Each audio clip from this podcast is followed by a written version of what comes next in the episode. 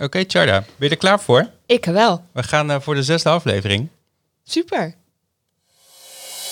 This is the 20 to 12 podcast. Available via the Apple Podcast app, Google Podcasts, and Spotify. Your source of local tech and media news, live interviews with friends of the show, and lots of uneducated opinions. Presented live from Groningen, the Netherlands. Here are your hosts, Jada Polderman and Joshua Paper.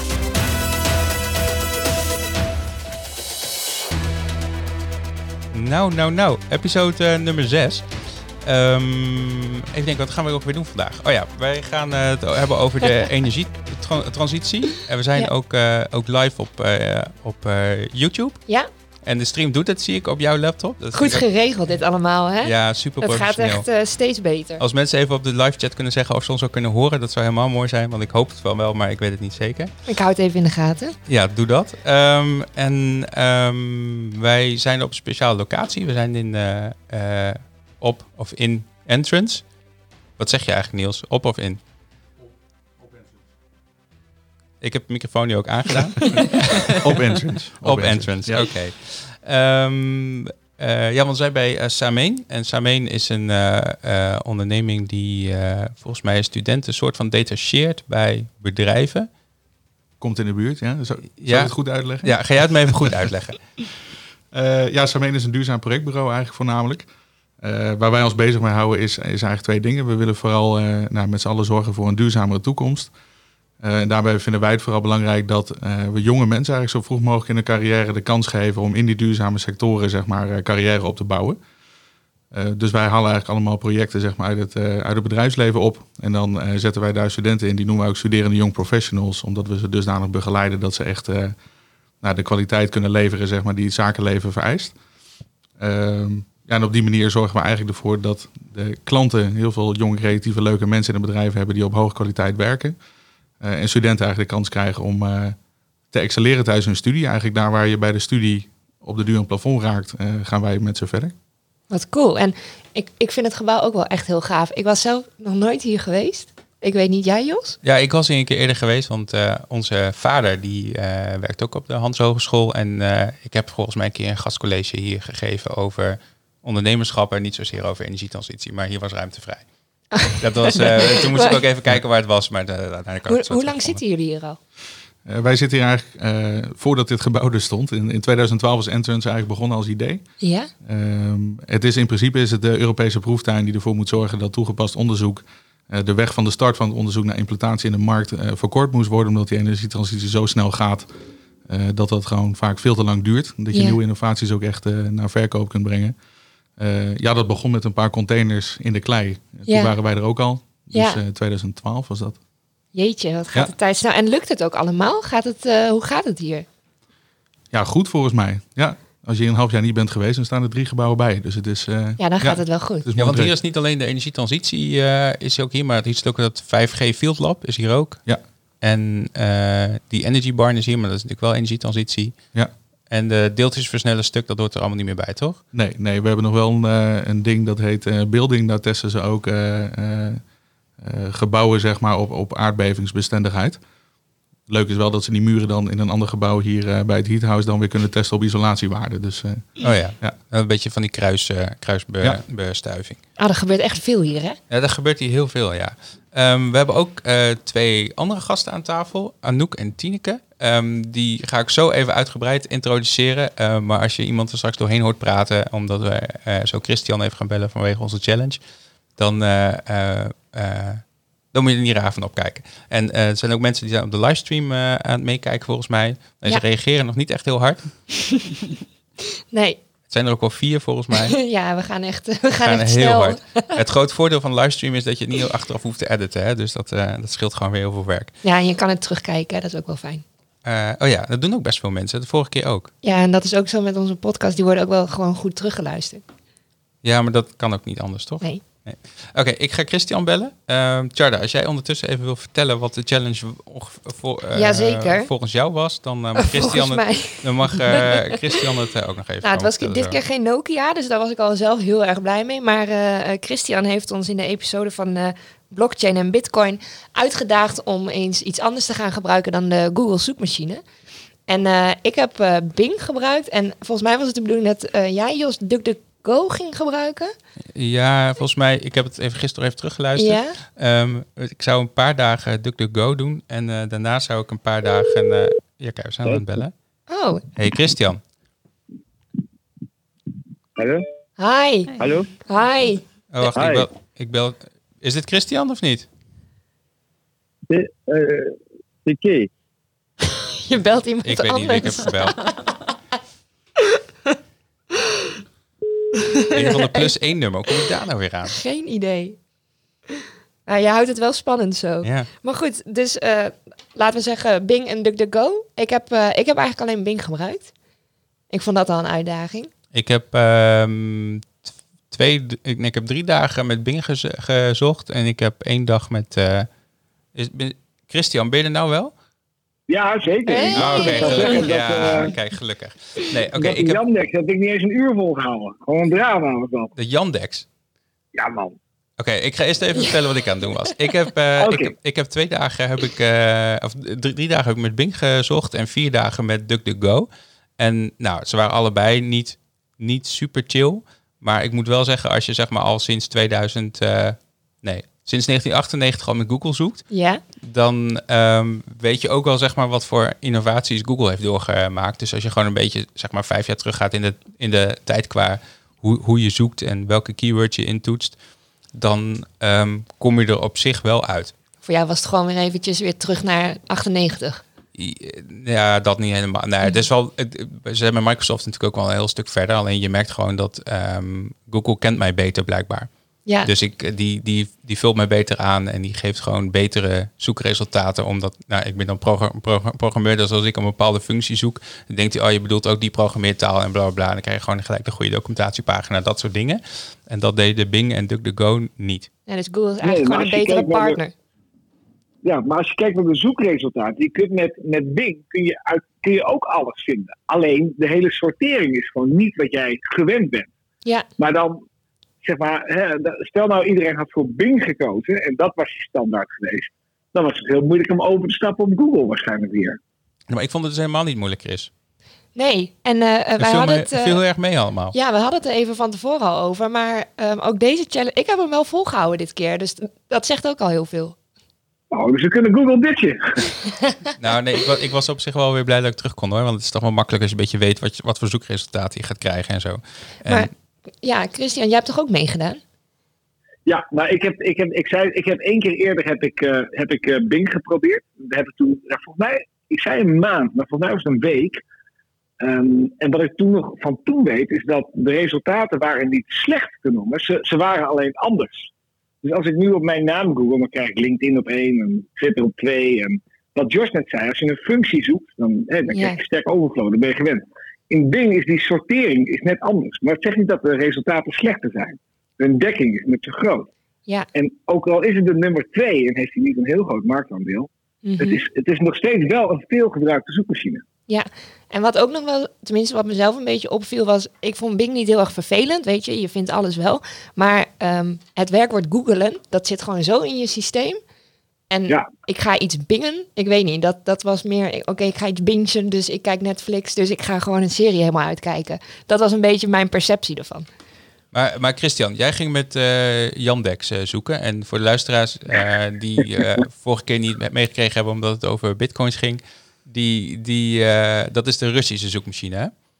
Ja, er zijn, er zijn wereldwijd zijn er eigenlijk een aantal hele grote spelers. Nou, Google kent iedereen natuurlijk. Dat is, in elk land zijn die wel eh, aanwezig, behalve China en Noord-Korea volgens mij. En ehm, dan heb je nog, eh, in China heb je Baidu, is daar natuurlijk de grootste. En dan heb je in, in Rusland hebben ze ook een eigen zoekmachine. En dat is Yandex. En Yandex bestaat eigenlijk net zo lang als de rest. Die zijn er ook al vanaf dag één. En Yandex heeft ook gewoon een Nederlandse index. Ehm, dus als je kijkt naar de dekking, dat, dat hebben zij ook goed voor elkaar. Maar dat is, dat, dat, nou ja, dat is totaal niet wat je, wat je verwacht. Maar wat, wat, wat was het ding waar jij dan teg- tegenaan liep? Behalve Nou, dat, behalve de dat Poetin resultaten- meekijkt. Maar, ja, nou ja, China kijkt er ook niet op. Nee, maar de resultaten die je krijgt, en, en dat is ook wat een beetje met Bing het is. Je bent, je bent Google gewend En van Yandex lijkt wel alsof het niet. Ge... Van Google heb je die bubbel waarin je zit. En Yandex heeft gewoon geen bubbel.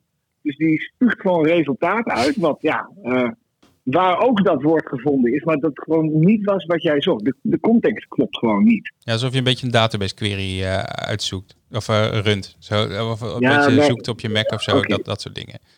Nou, ik zit hier achter een computer en ik zal, ik zal even een voorbeeld geven van wat er dan gebeurt. Um, als ik zoek op mijn eigen naam, op Yandex bijvoorbeeld, yeah. dan is de nummer één de resultaten die ik krijg. Overigens zijn het wel uh, oké okay resultaten, maar dat is uh, twitter.com. En mijn profielpagina, dus dat is correct. Als je datzelfde doet bij een uh, Google, dus natuurlijk ook bij Google doe ik dat. En dat is vooral waar de nuance in zit. Het is gewoon net niet wat je vindt. Kijk, bij Google is nummer 1 ook Twitter. Dus dat hebben ze gelijk. De nummer 2 op Yandex is YouTube. Nou, dat is ook best wel goed eigenlijk. En, maar bij, bij Google is dat LinkedIn. Dat is ook wat te verwachten. Ja. En, en dan, dan gebeurt er bij Yandex iets geks. Uh, nou, ik heet Christian, dus dan denkt hij automatisch al dat ik uh, religieus ben. Dus de, dan krijg ik BarianChristian.com. Nou, het gaat meer over, nou, niet over wat ik verwacht. Dus de eerste en, twee zijn oké okay, en daarna gaat het gewoon helemaal mis. Ja, of, helemaal mis is het ook niet. Het, en dat is, het, dat is een beetje het probleem. Het klopt wel, alleen het is totaal niet wat je, wat je zou verwachten. Maar is het niet zo dat er in Rusland gewoon niemand Christian heet? En dat het uh, Christian inderdaad in het Engels gewoon... Uh, uh, was dat nou mijn laptop die een piepje geeft? Ja. ja. Dom maar. Ja, maar wat nou als je... Nee, maar ik bedoel, is het niet zo gewoon dat er uh, in die uh, taalregio waar Rusland natuurlijk in zit, is Christian gewoon helemaal geen naam. Dus hij is gewoon automatisch dat, uh, dat aan ja, iets, aan iets anders vastknopen. Ja, nee, dat klopt. Net zoals als je op Groningen zoekt op Yandex, dan krijg je, dat, probeer het maar, dan krijg je allemaal Russische resultaten. Ja, je snapt er echt helemaal geen jota van maar dat is iets anders in het Russisch, geloof ik ook, toch? Nee, ze hebben, ze hebben het serieus. Als je op Groningen Yandex, doe het maar eens dan krijg je echt, dat is, gaat ook echt over Groningen. Ze laat ook een kaartje zien en foto's. Alleen de resultaten zijn in het Russisch. Dus dan krijg je traveler.ru bijvoorbeeld over Groningen. Dus het is heel erg Russisch georiënteerd. Holy shit, ja, en, ik zie het. Ja. En wat je, wat je eigenlijk, dus dat is dus niet werkbaar. Maar wat je eigenlijk, en dat is een klein beetje ook het punt natuurlijk, dat, kijk, Amerika heeft Facebook, Twitter, Google, al die grote, hè, Amazon, China heeft ook zijn hele eigen ecosysteem met, uh, met uh, Baidu en WeChat en... Uh, ja, vooral dat WeChat toch? Ik bedoel, ja, heel ja. groot. Ja. Maar wat, wat hebben wij in Europa dan? Want we hebben, we hebben niks op. Nou, ja, we hebben Spotify. Dat hebben we. Nou ja. En, we hebben, ja, en we hebben wel. Booking, hebben we ook. Maar als je kijkt naar uh, zoekmachine, ja, um, wat hebben wij? Volgens mij helemaal niks. In Frankrijk hebben ze iets, ik ben de naam even kwijt. Maar niks serieus. Ja, En niet, niet, niet eigenlijk op zo'n grote schaal bedoel je. Nee. En Dus dat, zou dat, je eh, eigenlijk wel willen hebben. Dat Maar- ga jij maken. Ik wou het zeggen, jij hebt toch eh, een Nou, heel groot en, eh, databedrijf dat, en eh, dingen? Nou, nee, maar serieus, we, we zijn er wel mee aan het piloten. We zijn er wel aan het proberen, maar het is zo moeilijk. Want allereerst moet je één, moet alles hebben. En dan gewoon die kwaliteit van die grote zoekmachines, ook al lijkt het zo eenvoudig. Maar, maar zelfs van Yandex en zo, het is gewoon zo ontzettend groot. Toen die zoekmachines begonnen vroeger, toen was het internet veel kleiner, hè? Ja, ik weet maar nog wel dat we vroeger zochten al met Alta Vista. Ja, dat is de absolute... Ja. Ja. ja. Ik voel En me echt heel Google jong nu. Nou, dat weet je ook nog wel. Alta Vista, weet je dat niet meer? Nee, nee. nou, En eh, ja, Yahoo had je. Die heb je nog, nog wel volgens mij, want er zit volgens mij Bing nu achter. ja, Maar eh, eh, verder, ja, even goed nadenken hoor. toen, toen ik kon computeren, toen ging ik gewoon googlen. Nou, je had in Nederland nog Ilse destijds. Ja, Oh ja. Ilse. Ja, klopt. Ja, maar ja, die is, die is natuurlijk uiteindelijk is dat helemaal niks geworden. Nee, maar volgens mij dat, dat werd toen, Ilse werd toen overgenomen door Sanoma. En eh, die focuste zich heel erg op eh, startpagina en nu.nl. En dat Ilse, dat kwam volgens mij gewoon een beetje mee. En dat, daar, Ja, dat- dat, kostte gewoon ongelooflijk veel geld om dat up en running te houden. En, en eh, ja, ehm, nou wat je net ook al zegt, doe, doe het maar eens beter dan Google. Want dat moet je gewoon doen, hè? Je moet Ja. het gewoon echt beter doen. Ja, Maar dan heb je nog wel even te gaan. Hey, en eh, Christian, ehm, er is nu een nieuwe wet ingegaan dat je in eh, eh, Europese ri- ri- richtlijn dat je in eh, op je Android-telefoon eh, een keuze krijgt over welke zoekmachine eh, jouw default zoekmachine gaat worden. dat goed. Dat wist je niet? Ik heb geen Android. Ik ben zelf nogal Apple-minded. Oh, ik dacht, ik leef een beetje in in dit onderwerp en zo. Android doet Ja, gewoon niet nee. mee. En ik heb wel iets wat um, een beetje mobile achtergrond. Ehm, en ehm, eh, op, op, want op zich is dat wel goed. En er zaten ook wat Europese alternatieven tussen, waarvan ik nu al niet eens meer weet welke dat zijn. Dat is maar vast die Franse. Ja, die Franse zat erbij. En ik begreep ook dat er een of andere ehm, Oostenrijkse zoekmachine tussen zat. Of in Oostenrijk zat er een zoekmachine tussen die voor 1 dollar in het lijstje terecht ge- gekomen was. Terwijl het bij opbod werd, werd dat ver- verkocht, die eh zoekmachineposities in het Android eh, system. Per land. Echt bizar. Ja, En die, die Franse die heette trouwens Quant. Q-W-A-N-T. Quant. Quant. Quant. Quant. Ja, dat kennen we toch Ja. van die aandeelhandel eh, mensen, die quants. Nee, niet zo. Je schrijft niet zo. Je Oh. Want, zeg maar voor hem, want het is zo. Want, maar dan met een Q ervoor. En ik tik daar even snel ook mijn naam in. Maar ja, dat, dat, dat zijn best wel goede resultaten. Nog. Oké. Jij zoekt wel veel op jezelf. dat zoeken, zeg maar. Straks gaan we allemaal eh, jou googlen, Christian. Ja. Oh, ja, oké. Ja. Ja, Nee, volgens mij zitten er hier nu sowieso wat mensen aan tafel die zijn wezen googelen met dat... Met eh, kwant. met Quant en met Jan, met Jan, Jan Dex en weet ik het wat allemaal. We zien een beetje uh, spikers in traffic. Ja, dat denk ik ook, ja. En denk ze, hoe kan dat nou? Een raar ruimtetje daar in Groningen. Goed. ehm, nee, het was wel een leuke challenge. Ik vond het een leuke challenge, Ja. maar het viel me alles mee. Ja. Ja. Oké, nou dan gaan we nou voortaan aan de kwant. Nou, nee, nee, we blijven wel nou bij Google. Ik blijf nog wel even weer bij Google. En eh, jij mag nog even een nachtje slapen over volgende challenge. En eh, eh, ook even oproep naar alle andere vrienden van de show. Als je nog een leuke challenge hebt, kom er door. En dan eh, Ja. gaan wij de minst moeilijke eruit kiezen en dan gaan we die doen. Nee, de moeilijkste. Oh ja, oké. Goed, we gaan... eh, Christian, dankjewel. Oké, En eh eh sterkte verder thuis met oppassen. En, eh, dankjewel, dankjewel. en, En succes eh, met de show. Ja, en je kunt het live zien hè, op eh, YouTube. Ja, nee, ik, ik was gewoon kijken. En je hebt alleen een beetje een delay in beeld en eh, geluid. Oh, dat ben Als je. als Ja, nee, dat is aan ook wel logisch. Er zit een eh, seconde of zo tussen, toch? Eh, ja, zoiets, ja. Ja, Ja. Nou, maar ook zeg maar dat de audio van de stream heel erg out of sync loopt met het beeld, of dat niet? Ja, het loopt niet, het loopt niet in sync. Oké, nou ja, goed. En ik ga Wouter Brem nog wel even vragen van hoe we dat, eh, hoe we dat beter kunnen doen. goed, wij gaan verder naar het volgende onderwerp. Dankjewel, Chris. Oké, Ja, doei. doei. Hoi, hoi. We zouden al Juju zeggen, toch? Joejoe. Juju, Ja, dat is beter. ik zei daar straks ook joehoe. Toen zei je, dat klopt ook niet helemaal. Nee, dat is ook niet goed, nee. Oké, hey, we gaan door naar het, eh, eh, naar het hoofdonderwerp van eh, deze episode. Het staat al lang in de stream en we hebben het ook al volgens mij aangekondigd dat we het over waterstof gingen doen. Ja, hoe, hoe kwam jij daar zo bij? Nou, ik, mijn idee was, kijk, ik ben ook bezig met mijn huis duurzaam proberen te maken. Nou, ik heb jaren 30 woning, dus dat is moeilijk. Ja. Ehm, en dan kom je allemaal dingen tegen en dan denk je van, ja, hoe ziet het er nou een beetje uit over tien jaar? Want je koopt een nieuwe ketel en dan denk je van, ja, en dan zegt zo'n mannetje tegen je van, ja, dit gaan we ombouwen naar waterstof over een paar jaar. Denk je, ja, maar eh, hoe dan? En eh, Ja. moet dan flesjes waterstof gaan kopen in de winkel en dat dan eh, ergens indrukken of zo. Hoe werkt dat dan? Of gaat het door de gasleiding? En hoe zit het dan met mijn met mijn met, met mijn gas kook, kook toe, toe stel en dat soort dingen allemaal. Ehm, dus ik dacht van, nou, ik wil eigenlijk wel eens weten hoe dat allemaal werkt. Dus Wat dacht- goed. ja, dus ik dacht van, we gaan eh, drie episodes maken over de Ja. energietransitie. Ja, echt Dan heel leuk. Dan beginnen we met waterstof, want dat, wist ik minste van. Eh, en dan, eh, daarna gaan we eh, windenergie doen. Ja. Hoe dat allemaal werkt, wat voor lokale initiatieven er eigenlijk allemaal bestaan. En dan eindigen we met zon. En ik dacht van, nou, zon is het minst ingewikkelde onderwerp. Dus kunnen we dan misschien even kijken hoe die hele mix van al die verschillende energiebronnen... Hoe, de, hoe, dat, hoe dat dan bij el- el- elkaar moet komen. Ja, Ehm, dus dat was het idee. gaaf joh. Ik was wel echt verrast. Dat ik een drieluik ging maken. Ja, Ja, ik ook. Sowieso nemen we dit allemaal weer veel te serieus, hè? Dus ja maar je hebt ook... gezegd, maar- eh, ehm, want de vorige keer eh, hebben we... Wij hebben veel mannen aan tafel gehad. Het ging natuurlijk eh, heel veel om techniek en zo. Dus dan kom je al een beetje daar in de buurt uit. Maar ik vind het ook echt superleuk om te zien dat we nu twee dames en een heer aan tafel hebben zitten. Drie dames. Jij wist ja, het zelf ook. ik zelf ook, maar oké. Ja. Ja. Dat is ook voor de energiesector best speciaal. hè? Dat dacht ik al wel een beetje. Je moet ietsje dichter bij ja. je microfoon, eh, Anouk. Oké, ik ga jullie even introduceren, want dat is denk ik het, eh, het beste. Eh, eh, ik begin even bij jou, Tineke. Eh, jij bent volgens mij, eh, van je, heb ik gezien op je link- LinkedIn allemaal dit. Eh, je bent eigenaar van Energy Garden eh, NL. eh, gastdocent op de Hans Hogeschool over eh, renewable energie. Ehm, projectmanager ben je geweest bij de RUG om de brug te slaan tussen de, wet- wetenschap en het bedrijfsleven. Ja, dat ben ik nog steeds Ben je nog steeds? Oké, ja. Eh, en je hebt een hele historie bij de Gasunie en dat is het bruggetje naar Anouk.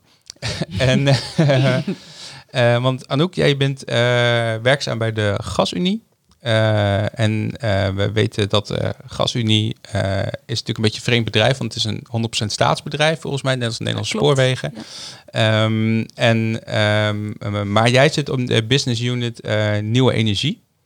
Eh, je bent eh, de vriendin eh, slash partner van Wouter Lering, die ik heel goed ken. En, Die erg jaloers is dat hij hier niet zit. Oh, ja, ja, maar hij heeft eh, oppasdienst nu, toch? Ja, precies. Ja, hij ja, zei, ja, oh, jij mag gewoon eerder vriend van de show zijn dan... dan Oh, wat goed. Oh, wat goed Oh, oh. Ik vind het wel heel grappig. Moet je even zwaaien naar Wouter? Ja. ja, even misschien, zwaaien. eh, misschien kijkt hij. Jawel, hij kijkt wel. Ja. Hij zegt nog niks op de Nee, ik wou net livechat. zeggen. Oké. Ehm, jij hockeyt in de hoofdklasse van GHHC. Niet meer. Dat is denk ik een beetje outdated. Maar Ah. dit jaar gestopt. Maar Oké. eh, wel altijd gedaan. Wat gaaf. En jij hebt een economie-master van eh, eh, gedaan op de rug. Hier gestudeerd. En ehm, ja, energietransitie en eh, waterstof in het specifiek. Ik heb begrepen, Tineke, dat jij goed kunt uitleggen wat is waterstof en eh, hoe maken we dat en eh, dat soort dingen. En wat kunnen we ermee? En, nou, dat zijn een heleboel vragen tegelijk. Je mag Eh, meteen beginnen. Ja, mag meteen beginnen. Nou, waterstof is om te beginnen het, eh, eh, de stof die het meest voorkomt in het heelal. Alleen hier op aarde komt het niet in vrije vorm voor. Dus als wij het willen gebruiken in de energietransitie, en dan gebruiken we het niet als brandstof, maar als energiedrager, je kunt er energie in opslaan, dan moeten we waterstof eerst maken. Want waterstof heeft de eigenschap dat het gewoon heel makkelijk zich bindt aan allerlei andere dingen. Ja, bij ons zit het Dus- grootste deel in water, toch? Ja, Water en zuurstof. en water, water is H2O. En eh, de afkorting voor het molecuul waterstof is de H van hydrogen. Ehm, dus water, daar zit heel veel waterstof in. Ehm, en nou ja, dit is vooral luisteren. Er is wel beeld, maar vooral luisteren. Maar ik heb hier toevallig een flesje spaarwater. En daarnaast een flesje water om waterstof van te maken. En wat is het verschil dan? En wat is het verschil? Dat is gedemineraliseerd water. Dat is water waar alle restjes, zouten en andere stofjes die erin zitten uitgehaald zijn. Dus het is heel schoon water.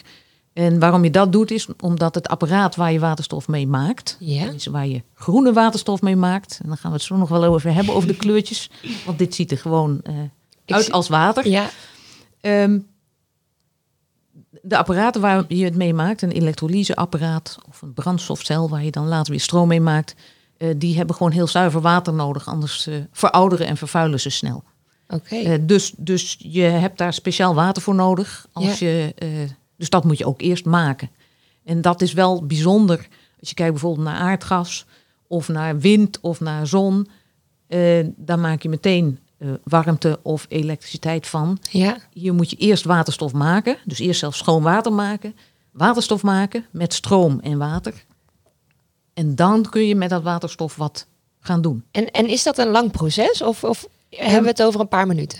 Nou, ik kan voor de gein even. Ik heb, ik heb hier een heel klein experimenteel setje. Eh, dat gebruik ik ook veel om aan mensen uit te leggen die, die eigenlijk Ja. niet weten van wat is waterstof, hoe ziet het eruit. Ja. Eh, heel klein setje, twee cilindertjes waar water in zitten. Ja, ik kan het niet zien, Charda. Dus jij Ja, moet ik even zie het goed- wel hoor. goed Ik zeggen eh, zal even nou goed meekijken. Ja. Ja.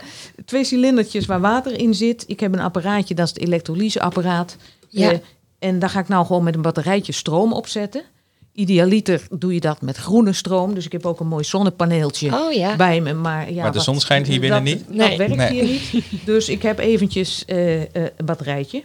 En ik zet nou het batterijtje aan. En moet je maar ondertussen opletten. Nou, je ziet eigenlijk al Ja. meteen gebeuren dat er belletjes ontstaan. En dan- dan gaat water door de slangetjes. Ja, en eigenlijk gaat hier gas door de slangetjes. En Oh, door het ene slangetje gaat zuurstof. En Ja. door het andere slangetje gaat waterstof. Dus dat wordt apart gescheiden.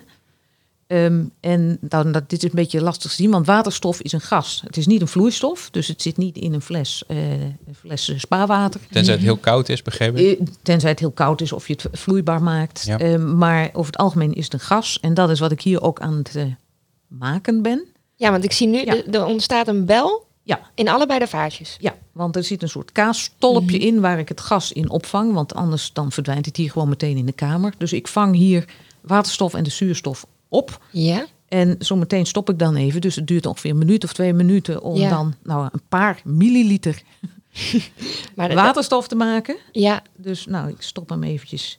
En waar- waarom je dit gebruikt, waterstof, is omdat we als we heel veel hernieuwbare energie hebben. ja. eh, ja, op dit moment schijnt de zon niet. En eigenlijk willen we wel stroom hebben nu. Nou, als je dan overdag waterstof maakt met je zonne- zonnestroom. En je gaat s'avonds de waterstof gebruiken om weer stroom te maken. Om je lamp aan te doen. Ja, Dan kun je dus de, ja, de energie een tijdje opslaan. Als een soort van eh, batterij, zeg maar. Ja, en het is een opslagmedium, een heel goed opslagmedium water om energie op te slaan. En dat kan je ook in een batterij doen.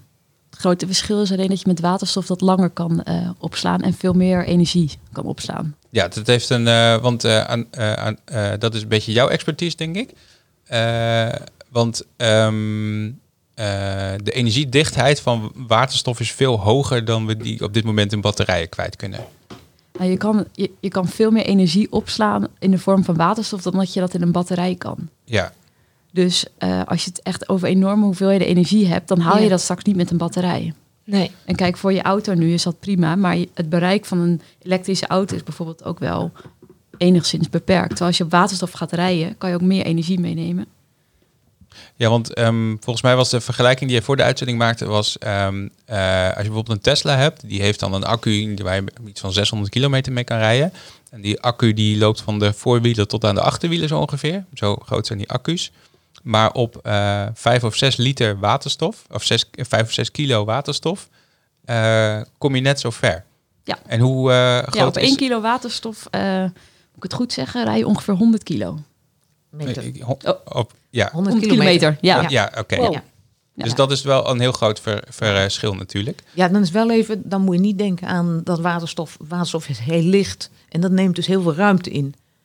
Ehm, en dat betekent dat je die waterstof, als je die wel in de auto wil hebben, dus Ja. het is heel licht, dus 5 kilo klinkt niet veel, maar dat is niet vijf pakken melk. Nee. Je moet denken aan, ik heb gewoon een 90 liter tank in mijn auto, waar dan gas in zit, waterstofgas. En omdat dat spul zo groot is eigenlijk, doe je dat onder hele hoge druk. Dus het zit onder 700 bar, 700 atmosfeer druk. Stop je de waterstof in de tank. En dan heb je dus die 5 kilo in die tank van 90 liter. Ja. Dat is dus de omvang van de tank. Dus dat is niet een super kleine tank, maar ook Nee. niet super groot. Ehm, maar wel onder hoge druk. Want Ja. anders zou, het, dan zou je deze hele kamer eh, nodig hebben als je dat onder lagere druk doet. Ja, want dat is het. Want we, we kennen nu ook autogas bijvoorbeeld, eh, LPG. eh, en ehm, eh, dat, dat is natuurlijk heel iets, iets anders. Maar dat, ehm, eh, die tankjes die dan in auto's zitten, zijn wel kleiner dan 90 liter. Ehm, dus die, eh, die staan volgens mij ook onder hele hoge druk. Maar is dat ongeveer hetzelfde? Is het net zoveel druk? Of? Nou ja, dat is, kijk, de L is van liquid, dus dat is eh, vloeistofvormig Ja, en onder, de, de, onder druk. Dus en dat is een vloeistof en geen gas. en de ehm, eh, waterstof die je dus in je auto hebt zitten, is nog wel een gas. Dat is een gas. Dan moet de druk Ja. zou nog hoger moeten worden, wil dat dan een een vloeistof gaan worden. Ja. Heb je al wel eens in een auto gereden op waterstof, Jos? Ik? eh, Ja? eh, nee. Ik ook niet. Nee, maar er zijn er dus ook heel weinig van. Hè? Er zijn veel meer batterijauto's dan dat er waterstofauto's Wij zijn. hebben er dus net drie Ja. bij Gasunie. eh Heb je er Eh, zelf al in gereden? Nee, ik, heb, ik heb ze wel be- bekeken, maar ik heb er nog niet in gereden. Maar eigenlijk met onze afdeling, omdat Ja. we natuurlijk voor de nieuwe energieafdeling eh, werken, Ja. zijn ze wel ter beschikking. Dus af en toe is het eigenlijk wel het doel van als we naar bijeenkomst bijvoorbeeld in dit gebouw gaan waar we nu zitten, Ja. eh, dat we wel een keer met de waterstofauto kunnen komen. Zou dat dan, rijdt dat dan ook heel anders? Ik denk dat het net zoals een Tesla rijdt, toch? Ja. Weet niet, het lijkt me wel een beetje spannend, maar volgens Ja. mij rijdt het gewoon eh, Want redelijk normaal. dat was ook meteen een vraag eigenlijk die, ik, die eh, ik had. Want we hadden het net over dat het dan in, onder hele hoge druk in zo'n tank zit. Is dat dan ook niet gevaarlijk? Nou, kijk, met, met, met alles, of het Ja. nou eh, aardgas is of stroom of wat dan ook, daar moet je rekening houden met, met de eigenschappen van, eh, van de stof. Ja. Ehm, en voor aardgastanks, ehm, maar ook voor eh onder hoge druk, maar ook voor waterstof onder hoge druk, heb je natuurlijk allerlei veiligheidsvoorschriften om ervoor te zorgen dat je veilig kunt tanken Ja. en dat het ook veilig in je auto zit. Nou is het wel mooi, waterstof, zei ik al, dat is heel licht. Het lichtste element, het lichtste molecuul wat, wat bestaat. Ja. Ehm, en dat betekent dat als er iets gebeurt waardoor het waterstof zou lekken, dan is het ook zo weg. Want het vloep, het beweegt ontzettend snel, het stijgt heel snel op. Oh, dat is wel geruststellend. Dus wat dat betreft is het, is het ook heel snel weg. Ja. En eh, Ja, maar je moet Ja. inderdaad geen gaatje gaan eh, boren in je tank. Maar je moet ook geen gaatje gaan boren in je lithium-accu, hoor. Dat, Eh, dat, ja, dat is volgens ook... mij moet je ook nu überhaupt nergens gaatjes in boren. Nee, nee, dat kun je beter allemaal niet doen. Hebben we eigenlijk al een beetje waterstof? Ja, kijk, ja, misschien even voor, voor Ja. degenen die hier kunnen zien. Ja. We hebben een beetje waterstof gemaakt. Dat Ik was Ik zal overdag. er even een foto van maken. Ja, overdag. De zon heeft geschenen. Hier zit waterstof in, hier zit zuurstof in. Mhm. Ja. Eh, dit apparaatje heb ik gebruikt om de waterstof te maken. Nu ga ik het gebruiken als apparaatje om van de waterstof weer stroom te maken en dit molentje te laten draaien. Oh, wat cool. Dus zonder batterij, eh, hij doet niks. Ja, ja Nee. we zien het. Ja. Ja, en hij doet het. En hij doet het. En, maar wordt Ja. die bel dan daar ook minder Moet je, zo maar, meteen? ja, moet je maar eens opletten wat er hier dan, eh, wat er dan hier gebeurt. Want nou wordt eigenlijk die waterstof weer omgezet in. eh, Maar In hoe zit het? Want in het rechter, voor mij Ja. rechts, is, dat, is de bel veel groter en links veel Ja. kleiner. Hoe zit dat dan precies? Ja. nou, weet je nog, water, dat is Ja. H2O. Ja? Dus er is twee keer zoveel waterstof als zuurstof. Oh, ja, Met gassen ja. werkt dat zo dat ja, hoeveel moleculen er zijn, dat bepaalt hoeveel volume het inneemt. Ja. Eh, dus die is als het goed is precies twee keer zo groot als die. ja, en dat is En- die ook. Met die zuurstof doe ik dus nu niks. Dus die laat ik strakjes gewoon eh, ontsnappen. Heb een klein hapje zuurstof hier in de kamer erbij. Ja.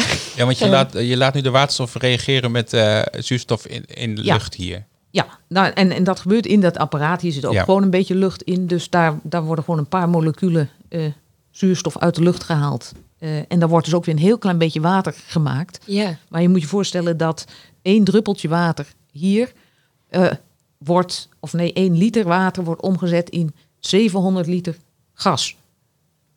Oh ja. Eh, dus, Ja. dus het lijkt. dus het wordt enorm groot dan, zeg ja. maar. Dus het lijkt Ja. alsof we nu Ja. heel veel waterstof hier hebben, maar dat valt Ja, eigenlijk en wel uiteindelijk mee. was dat maar Ja. één druppeltje die in dit apparaatje zat. En dus, dus je gebruikt ook helemaal niet veel water.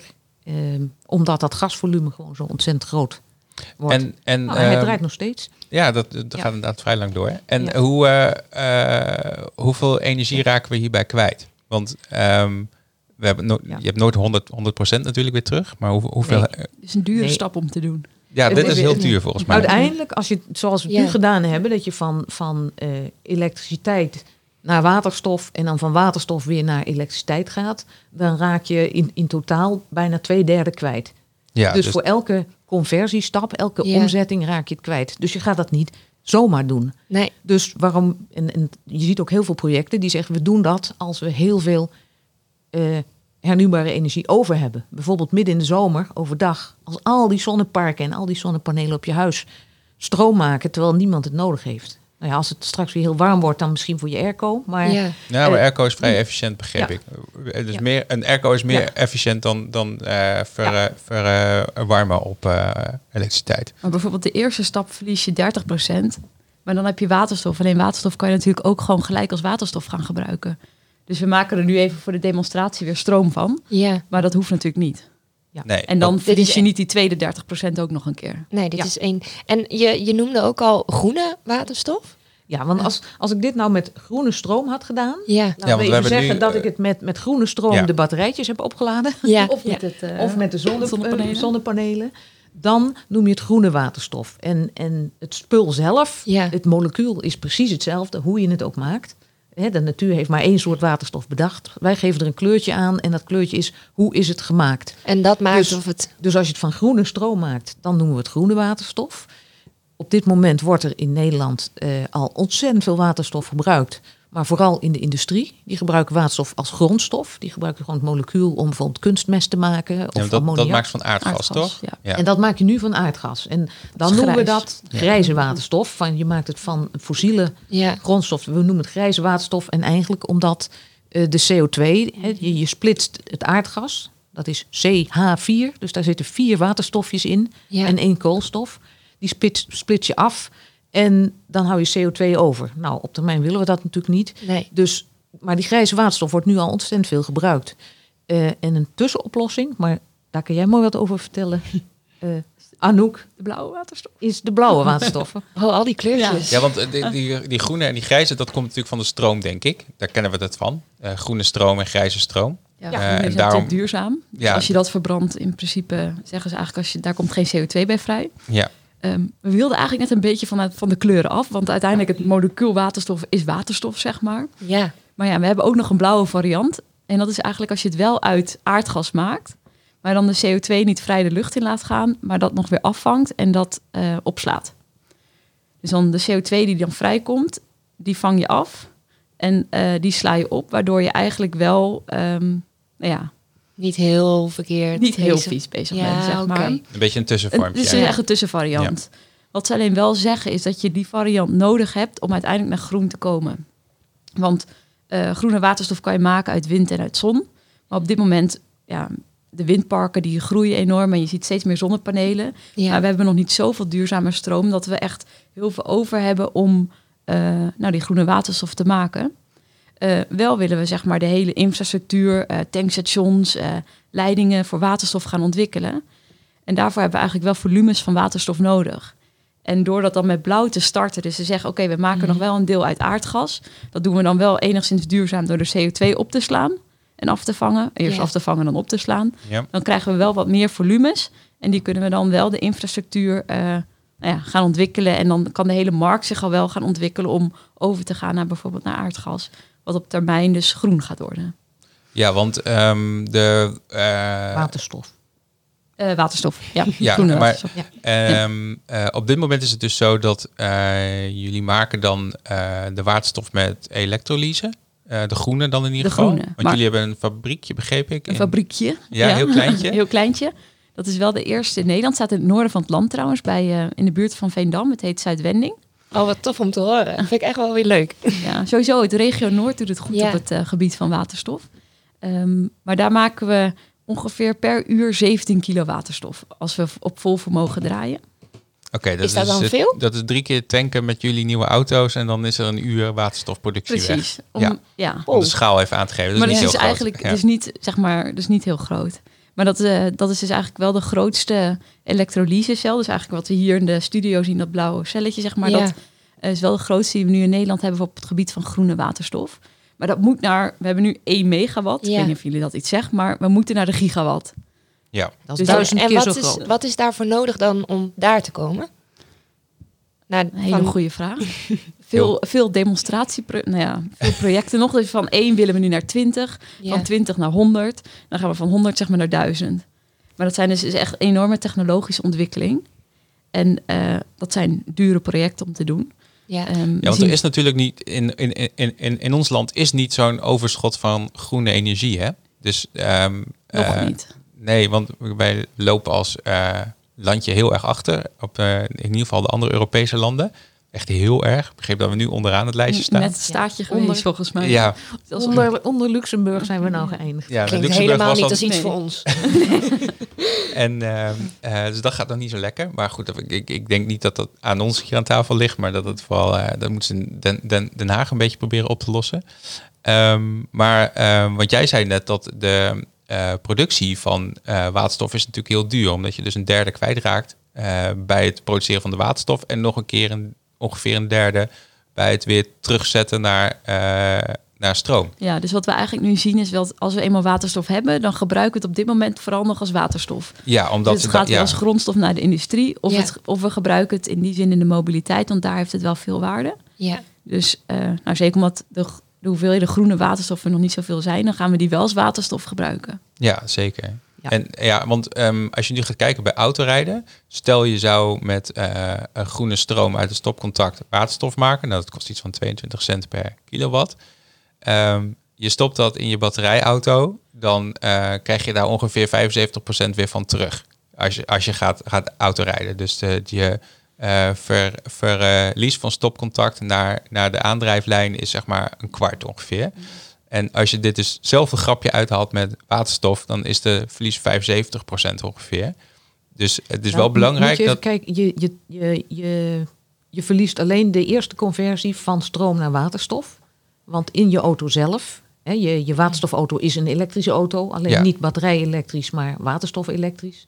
Dus in de auto tank je de waterstof en dan heb je dit apparaat om ter plekke eh, de stroom te maken. Ja, dan maak je de Ja. omzetting weer terug. Maar volgens Ja. mij was dat ook niet, Ja. niet 100% efficiënt. Nee, nou, oké. Net zoals een batterij die Ja. ook niet 100% zijn Ja. energie weer teruggeeft. die bij, bij conversie heb je altijd verlies. Je hebt altijd verlies inderdaad, ja. En bij die batterijen heb je dat natuurlijk ook. Alleen dat is op dit moment al een vrij effici- efficiënt proces. Omdat volgens mij ook om, ja, en je hebt natuurlijk met het waterstof, ja, je kan de physics niet veranderen. Dus je hebt inderdaad, die- je, je kan niet anders dan een derde kwijtraken, want je hebt die een derde zuurstof er nou gewoon één, één keer in zitten.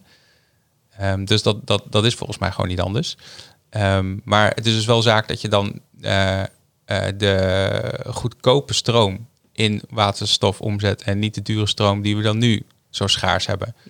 Dus bijvoorbeeld een mooi voorbeeld, er is eh, de, de, de, ik ben niet zo van de auto's, maar de Audi e-tron. Ja, Ehm, in ieder geval in, net over de grens in Duitsland hebben ze een fabriek waar ze ook waterstof maken. En met groene stroom, of eh, met CO2 van een biogascentrale die ernaast staat, maken ze dan methaan. Dat is dus kunstmatig eh, aardgas. Ja. Eh, en dat gebruiken ze dan voor hun, hun auto's. En dat doen ze dus ook alleen. Dat elektrolyseapparaat zetten ze alleen aan als de eh, stroomprijs ontzettend laag is. Dus die zitten te wachten tot er een Ja. keer ontzettend heel veel wind is of wat dan ook. En niemand stroom wil hebben. En dan zetten ze voor 12 of 16 uur. En het is een demonstratiefabriek, dus dat Mhm. zijn ze ook aan het proberen. Maar dus alleen als de stroom echt heel laag is. En ze zeggen ook van als de, de, de elektriciteitsprijs, die moet lager dan 2 cent zijn. eh, om het uit, eh, om kiet te spelen. ja. Op dit moment. Ja, want er Ehm, is, nu, er is nu ook de situatie dat ze zonneparken... eh ik, ik ben al een tijdje met het onderwerp bezig, met onderzoek. Ja, dat, Ehm. dat heb ik door. ze, ze, zijn, ehm, eh, ze hebben nu dus ook de situatie dat er hele zonneparken hebben ze op de planning staan. Die kunnen ze niet aansluiten op het stroomnet, omdat ze overdag dan niet die piekspanning kwijt kunnen op het net. En dat zijn dan volgens mij net de situaties waar je dan eh, waterstof zou willen produceren bij zo'n zonnepark. Nou, dan zou dus de opslag, wat je dan eigenlijk wil, is die elektriciteit opslaan voordat hij het net in hoeft. Ja, En dan op een later moment alsnog het net in te doen. ja en of je dat met, of zo. met ja. grote accu's doet of met waterstof. En het grote voordeel van de waterstof, en dat zei Anouk al iets eerder, is als je veel, heel veel energie wil opslaan, of elektriciteit wil opslaan, en dat is dus ook energie, of heel lang het wil opslaan. Dus niet een paar uur, Ja. maar maanden, eh, zeg maar zomer-winter verschillen, dat soort dingen. Daar is waterstof bij uitstek eh, geschikt. En dat zou je dus nooit met accu's of met batterijen voor elkaar kunnen krijgen. Maar als je kleinere variaties hebt, eh, een paar uur of een paar dagen, dan zijn, eh, zijn er ook alternatieven dat je met accu's eh, dingen opslaat. Ja, zijn die weer wat efficiënter. Ja, Ja, ja maar- dus zo wordt het gewoon sowieso één grote mix natuurlijk van allerlei verschillende oplossingen die het uiteindelijk gaat. Het is nu ook zo met gr- grijze stroom. Het is ook niet één soort stroom. Hè. Dat zijn ook, weet ik veel van manieren waarop dat opgewekt eh, wordt. Uiteindelijk krijg je natuurlijk ook dat eh, eh, treinen kunnen rijden, toch? Op groene waterstof. Maar dan misschien praat ik nu wel heel erg...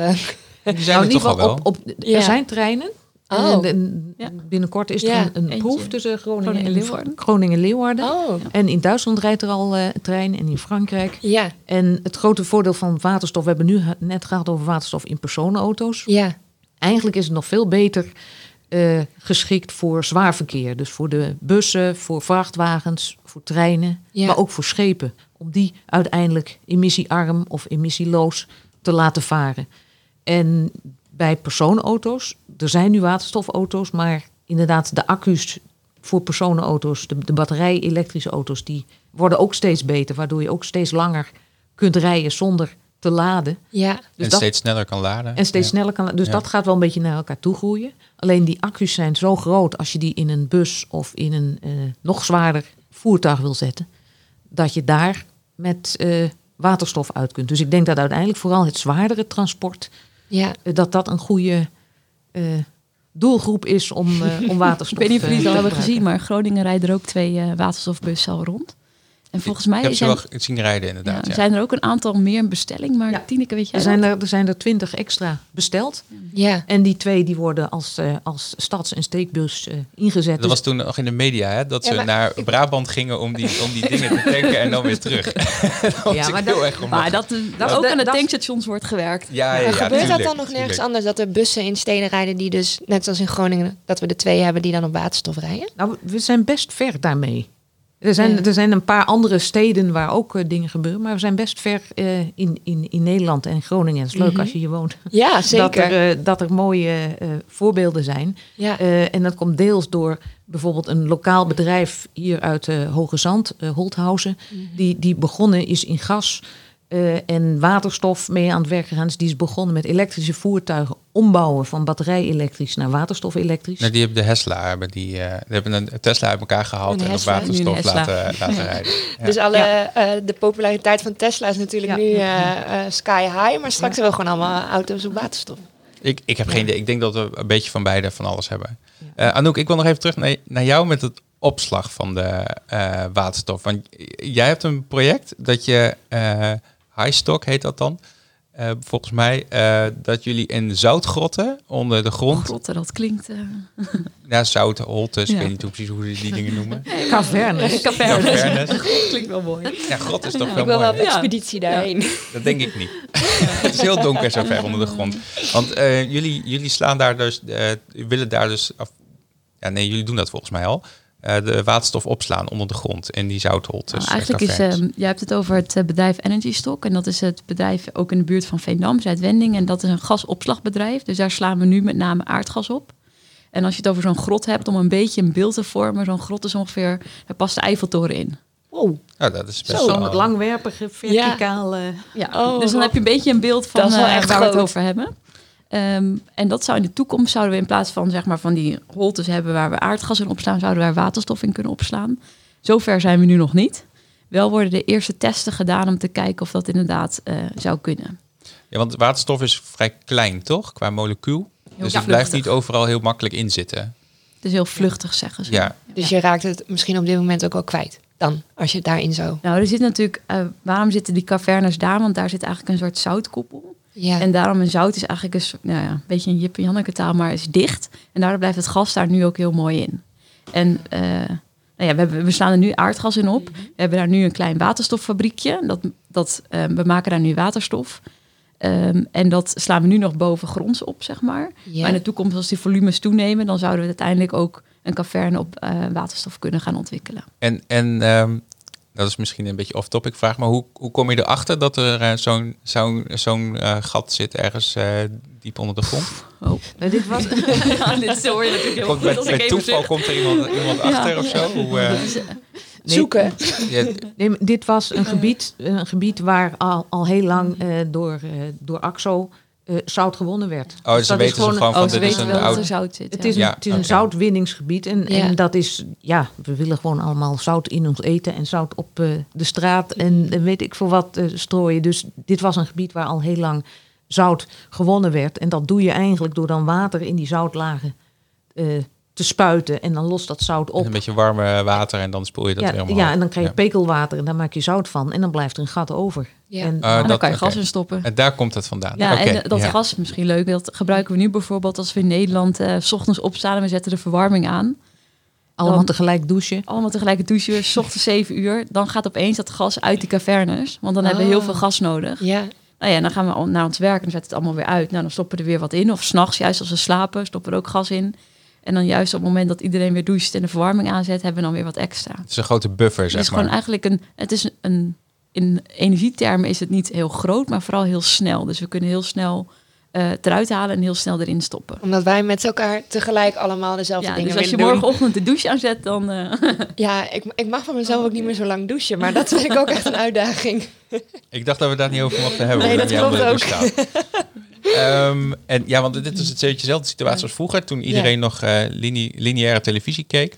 Toen eh, kon niet iedereen tegelijk de waterkoker aandoen. En dat soort, dat soort dingen had je toen ook. Dan, eh, Want kon- dan ging de tv uit. nou, dan zag je het, eh, het eh, aantal volts op het, op het stroomnet zag je wel zakken. Omdat zeg maar, iedereen te veel stroom pakte in de, net, de, net de televisiebreek of zo.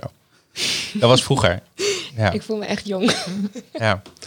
Eh, Eh, de, de netbeheerders van Ja. stroom en dus ook van gas, die Ja. moeten daar wel rekening mee houden. Ja. Met, met de gemiddelde patronen van al die Ja. Nederlanders tegelijk. Maar goed, die weten dat meestal dan ook van, eh, Dan kunnen ze nog nu wel aan. van oh, een beetje meer, een beetje minder, Ja. opregelen, afregelen. Ja. misschien nog leuk te vertellen over Hogeveen even. Ik weet niet. eh, Ja, dat wou ik net zeggen. Ik had er nog iets opgeschreven over een experiment wat jullie deden in het midden van nou, eh, jij had namelijk aan het begin van de uitzending over je eigen huis. Ja, oh ja. Ja, Dus, daar eh, begon het eigenlijk Hoe al ziet mee. dat er eigenlijk uit? Heb Mijn je, huis? Ja, zeg Is maar. Heb je al eh, zonnepanelen? Heb je al, Nou, eh, nee. ehm, Ben je al helemaal duurzaam? ik, heb, of- ik heb een eh, huis met een rieten dak. Eh, en eh, die achterkant daarvan is niet zo goed meer. Eh, als in zeg maar die, die eh, kruimelt er een beetje af en ligt. eh, eh, nou, Ja, je hebt straks geen dak meer. nou nee, dat, dat, daar is niet veel meer van over inderdaad. Dus Och, er, moet, er moet dan een nieuwe rieten kap op aan de achterkant. Nou, dat is heel duur. Eh, en het is dus minder duur om dat hele dak eraf te halen en dat gewoon helemaal vol te leggen met zonnepanelen. Nou, en dan krijg je ook nog wat gratis geld voor en dingen en zo. Nog wel. Nog wel. Ehm, Maar je moet snel zijn. Ja. ik moet sowieso snel zijn, anders heb ik geen dak meer. Eh, maar ehm, eh, dus het eh, idee was van ons om zeg maar dat eh, huis ook gelijk duurzamer te maken. Dus we hebben al spouwmuurisolatie en vloerisolatie en eh, dakisolatie dus nog niet, maar dat doen we dan in één keer. Achterkant van het dak eh, eraf en dan zonnepanelen helemaal vol leggen. En dan eh, hebben we 16 of 18 van die panelen.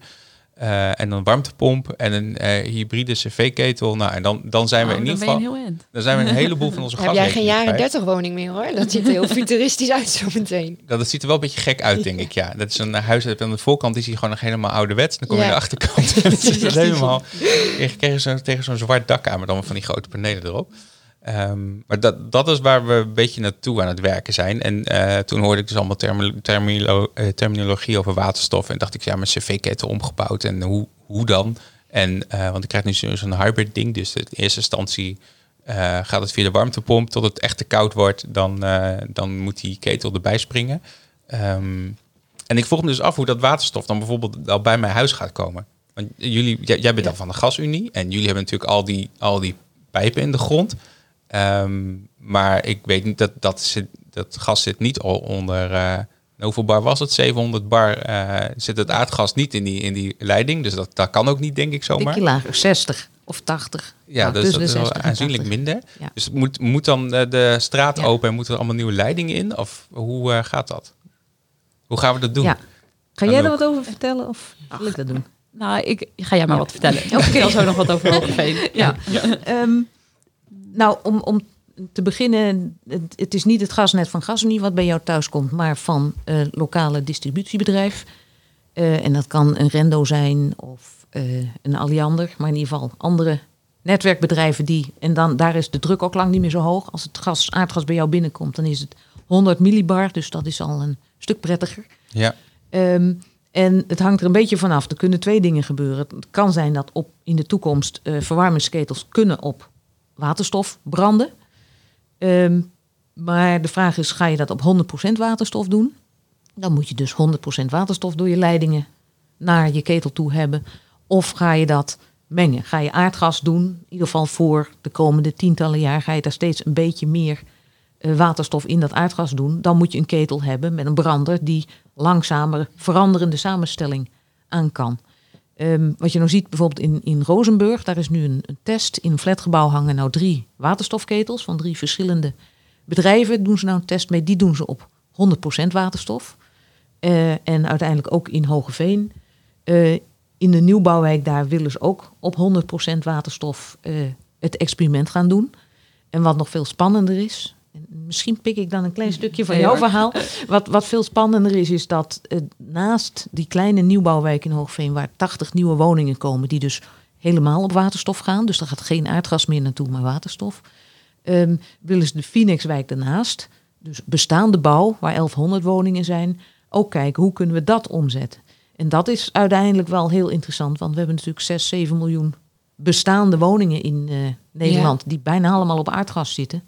Dus hoe ga je de komende jaren kijken of je daar ook iets mee kan? Dus, dus dat experiment Hogeveen is heel mooi om als soort proeftuin te kijken naar de nieuwbouwwijk die daar komt. Maar vooral met een doorkijkje, en dat wordt ook heel mooi in samenwerking met de bewoners, ook van die buurwijk eh, gedaan. Van joh, eh, wat kunnen we doen in huizen die er al zijn? Ja. Dat zijn dan niet jaren 30 woningen, dus er zijn wel Daar zijn nieuwer. ook niet, niet zo heel veel van hoor. Dat Nee. niet, niet meer volgens Ja. mij. Maar denk je ook echt dat we naar waterstof gaan in de be- bebouwde omgeving, Tineke? in- op sommige plekken. Ik denk dat bijvoorbeeld in oude binnensteden, waar je dus niet de hele straat alles op de schop wil hebben om bijvoorbeeld een warmtenet aan te leggen of zo. Ik denk dat je daar kunt kijken op termijn of je daar door de gasleidingen, aardgasleidingen die er nu liggen, of je daar of groen gas of watergas, stofgas doorheen doet. Want dan hoef je de boel niet open te breken Ja. in wat meer buitengebieden. eh, het, het is nu hartstikke mooi om het te proberen, waar je de ruimte hebt. Hè, en om in Hogeveen op een nieuw plekje het ook te doen. Ik verwacht niet dat iedereen op aardgas overgaat in de gebouwde omgeving. Ik denk dat, er, ja, dat je die aardgas voor, of, of de waterstof voor andere dingen gaat gebruiken. Maar voor oude binnensteden zou het wel een hele goede oplossing kunnen zijn in combinatie met groen gas. Want in, in, ik, ik las ook in 2050 mag er geen enkel gebouw in Nederland meer eh, op aardgas. eh Die mag niet eens meer op het gasnet. Nee. Eh, Dat mag nu al niet meer, we hebben nog Je mag- 30 jaar, maar Nee, maar dit- volgens mij is het nu in Groningen, in de stad, eh, is het zo dat je geen woningen mag bouwen die, die eh, gestookt worden op aardgas. Nou, de, de, de- er is een besluit genomen dat dat eigenlijk niet mag. En dat Ja. is breed. Ja. Dat nieuwbouwwoningen geen aardgasaansluiting meer mogen hebben. Ehm, er zijn wel steeds meer mensen die zeggen... dat gaan we niet redden.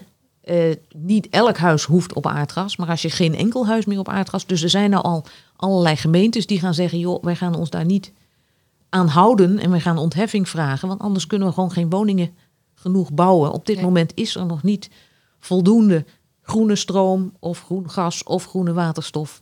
Ja, want als- alles wat nu nog Ja. gebouwd wordt... Als iedereen eh, op, eh, op stroom zijn huis gaat verwarmen, met infraroodpanelen of zo, zo zoveel st- stroomleidingen zitten er ook niet in de grond.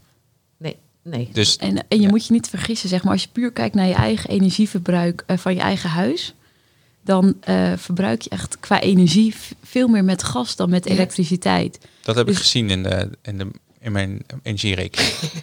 ja. jij schrok heel erg op. eh, Nou, dus als je dat een- allemaal wil Ja. elektrificeren, dat Ja. is echt ontzettend veel. Mhm. En dat ga je qua netwerk niet halen. Nee. Dus eh, ja, we zullen wel, dat is nou ja, visie van mij, maar ook wel Ja. echt gas. En die zegt dat ook vaak dat we wel, we noemen het moleculen nodig houden in de toekomst. Dus dat Ja. is groen gas of waterstof. ja, want eh, wat, wat is jullie rol in dat project in eh Hoogeveen?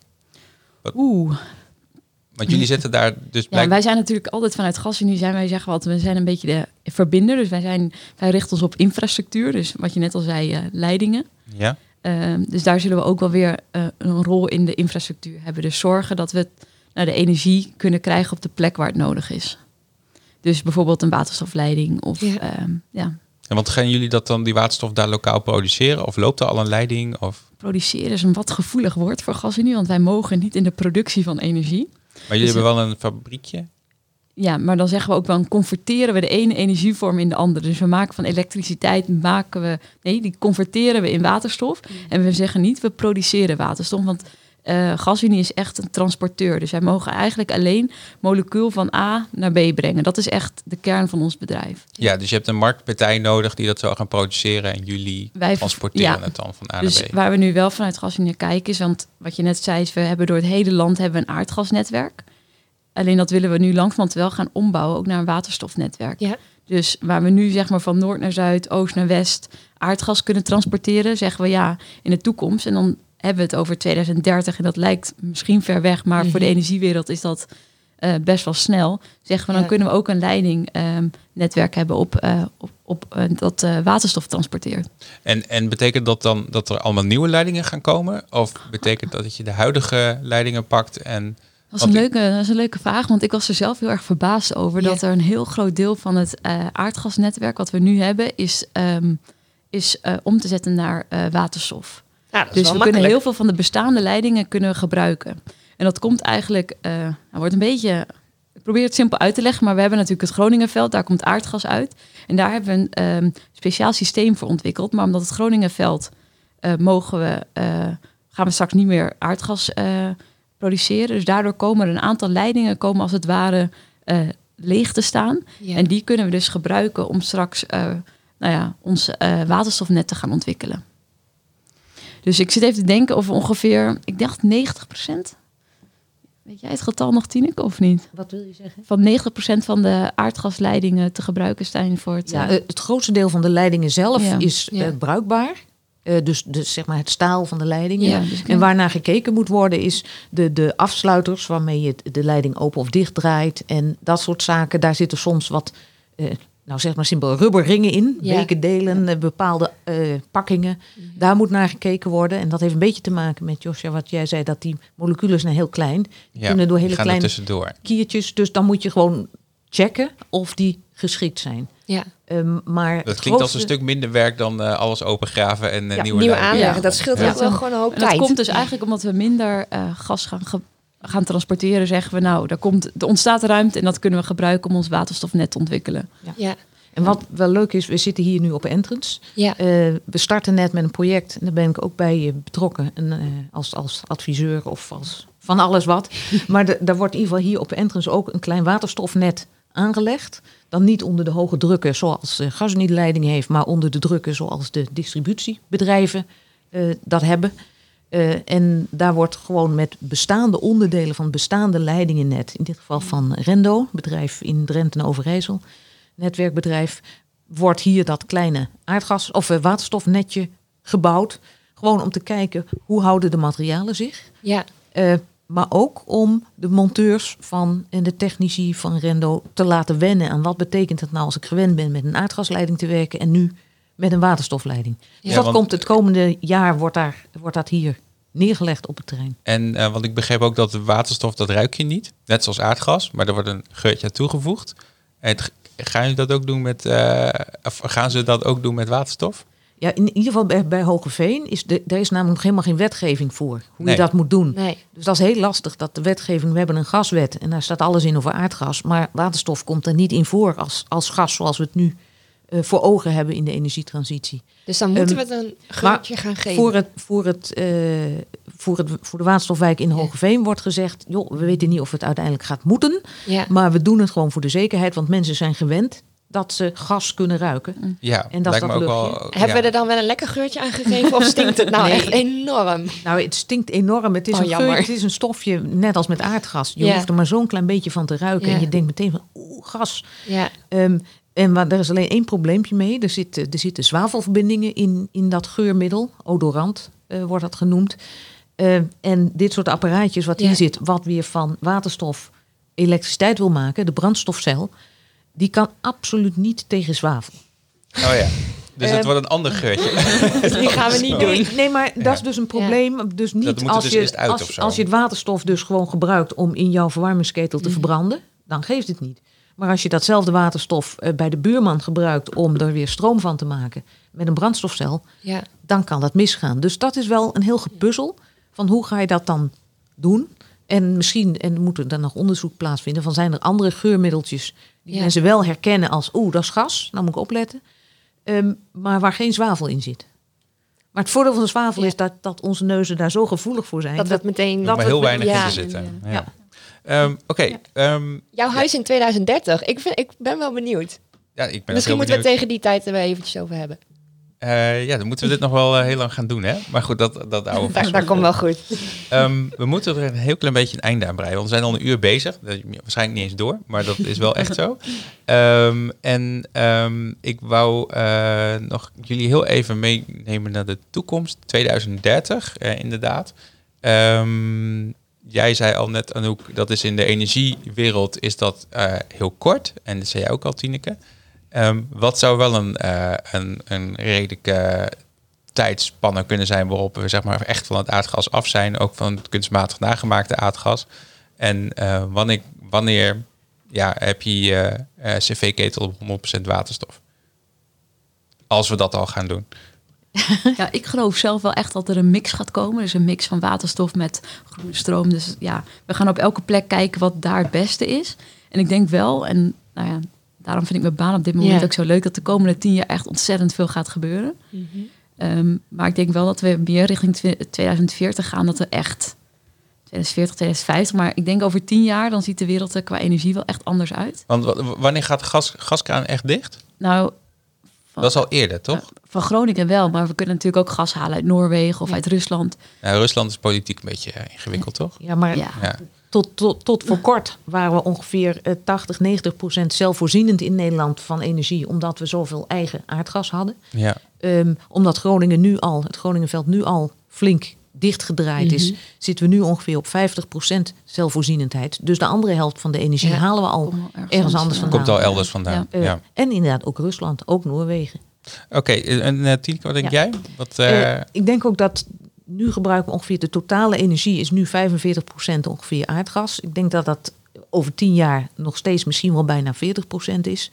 Dat er wel dan al flink gebouwd wordt aan de infrastructuur van, van de toekomst om andere dingen te doen. Maar dat kost eh, heel veel tijd. Ik denk wel dat als je naar 2050 kijkt, nou, en dat moet ook, Ja. dus dat Ja. zijn ook de scenario's, dan zul je zien dat echt het gebruik van, van aardgas eh, heel erg laag is.